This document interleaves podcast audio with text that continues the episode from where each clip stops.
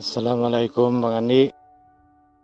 Ini pertama saya langsung saja intinya ada udang di balik batu. Sebenarnya saya ini ingin minta ridho Bang Andi sama ridho Allah tentang pengetahuan yang saya dapat ini. Sudah itu Bang Andi ada pertanyaan sedikit. Gimana memanai setelah saya menyadari kesadaran saya sendiri kalau saya anggap diriku saya nggak pernah nyiptain kesadaran itu dan tahu-tahu ada kesadaran itu pada kita. Nah kalau kita maknai kesadaran itu diri kita apa salah apa tidak gitu? Jadi gimana memposisikan pada diri kita itu kesadaran itu kita yang punya apa dapat pinjaman gitu Bang Andi. Sorry Bang Andi, saya ini nggak berani nanya ke lain. Masalahnya orang lain nanti beranggapan pertanyaan saya ini macam-macam. Tapi sama sama Bang Andi itulah aku berani ngungkapin ini. Jadi tolong Bang Andi dijelasin. Assalamualaikum warahmatullahi wabarakatuh Bang Andi. Waalaikumsalam warahmatullahi wabarakatuh. Jadi begini Pak Ibrahim. Sebenarnya jawabannya itu sudah ada di Pak Ibrahim, cuma Pak Ibrahimnya aja yang yang istilahnya ingin ketegasan atau keyakinan ya. Makanya nanya ke saya ya kan. Jawabannya kan udah ada itu. Ya sejatinya kalau kita ngomong hakikat ngomong sejati ya kita juga nggak bisa sadar. Ya kesadaran itu juga dari dia. Dari dia siapa? Ya dia Allah. Kesadaran itu juga Allah yang memberikan. Kita ini kan hanya dipinjamkan. Jangankan soal kesadaran kita perhatikan saja nafas nafas itu kita yang bernafas atau kita yang dinafaskan? Kita yang mampu bernafas ataukah kita ini dinafaskan? Sangat banyak orang memahaminya saya yang bernapas bang ya kan? Berarti kan diri berarti kan di situ kita merasa mampu. Kalau kita yang bernafas ketika tidur kenapa di situ nafas jalan sendiri padahal kita tidur loh Padahal di situ tidak ada kesadaran. Tapi nafas jalan terus. Berarti kan di situ bukti bahwa kita itu sejatinya dinafaskan, bukan kita yang bernafas. Cuman kan kebanyakan manusia ini ya aku terus yang dia lihat. Aku bisa, aku mampu, aku, aku, semua aku. Allahnya nggak nampak. Begitu pula dalam halnya kesadaran. Kita itu hanya dipinjamkan. Di situlah makna ruh itu. Kutiupkan ruhku. Dengan adanya ruh itu baru kita berkesadaran. Baru kita bisa ada kesadaran diri. Banyaklah tentang kesadaran, tentang ilmu, tentang tenaga, tentang penglihatan, pendengaran, semua itu kan dipinjamkan. Mampu nggak kita? Kalau kita ngomong hakikat, kalau kita ngomong sejati, siapa sejatinya itu? Ya semua dari Allah. Kita ini hanya dikasih fasilitas. Bukan hak milik, tapi hak pakai. Kita ini hanya dipinjamkan memakainya. Kalau dibilang hak milik ya dari dia. Jadi begitu juga kalau kita sudah pahami aku ada kesadaran. Aku sadar. Itu kan karena Allah. Mengapa kita merasa bangga merasa mampu, merasa bisa. banyak orang lain belum sadar-sadar kita di situ malah benci malah kita menghina malah kita mengecilkan. Ya belum dikasih kesadaran oleh Allah ya nggak sadar. Berarti kan belum ada hidayah. Belum turun hidayah itu padanya belum terbuka matanya masih buta bagus ini pertanyaannya Jadi kita hanya dititipkan, diri ini hanya dipinjamkan. Di situ seharusnya kita bersyukur. Banyak orang lain nggak dapet, banyak orang lain nggak dikasih, kita dikasih, ya kan? Kita ketika kita bisa melihat kebenaran, ini salah, ini benar, akhirnya apa? Kita pilih yang benar,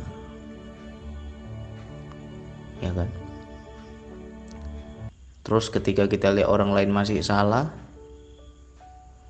kita menghakimi, kita mengecilkan, kita menghina, kita mengucilkan macam-macam. Padahal siapa yang memberi ilmu itu sehingga kita bisa menentukan salah dan benar? Ya kalau ngomong hakikat ya dari Allah.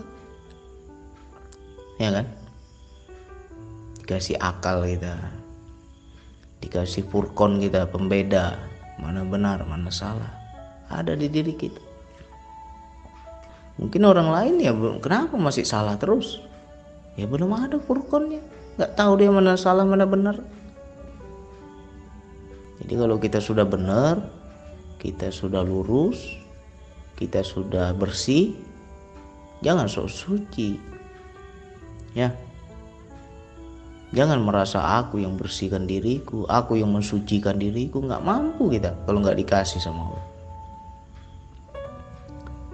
Jadi nggak ada manusia suci itu. Semua juga dari Allah.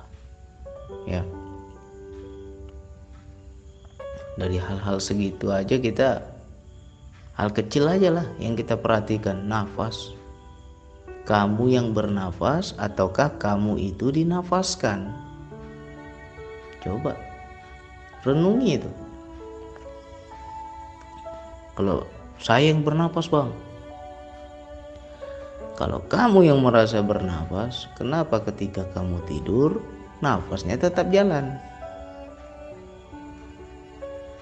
padahal di situ nggak main diri kita jalan sendiri nafas itu masuk sendiri keluar sendiri ya kan Berarti di situ bukti bahwa sejatinya diri ini dinafaskan.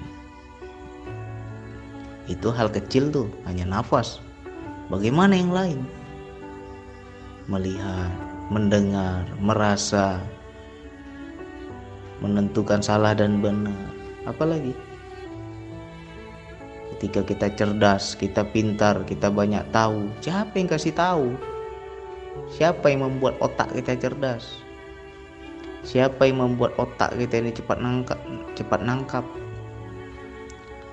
Kadang kita melihat orang pelupa marah kita. Lelet kali. Lupa gini gitu ngomel kita. Ketika kita ingat siapa yang membuat agar kita bisa ingat. Ya, Gak usah lah kita ngomong mati, ngomong tidur aja lah. Perhatikan orang tidur. Ketika tidur itu apa yang kita bisa? Gak bisa apa-apa. Sama aja bangkai kan?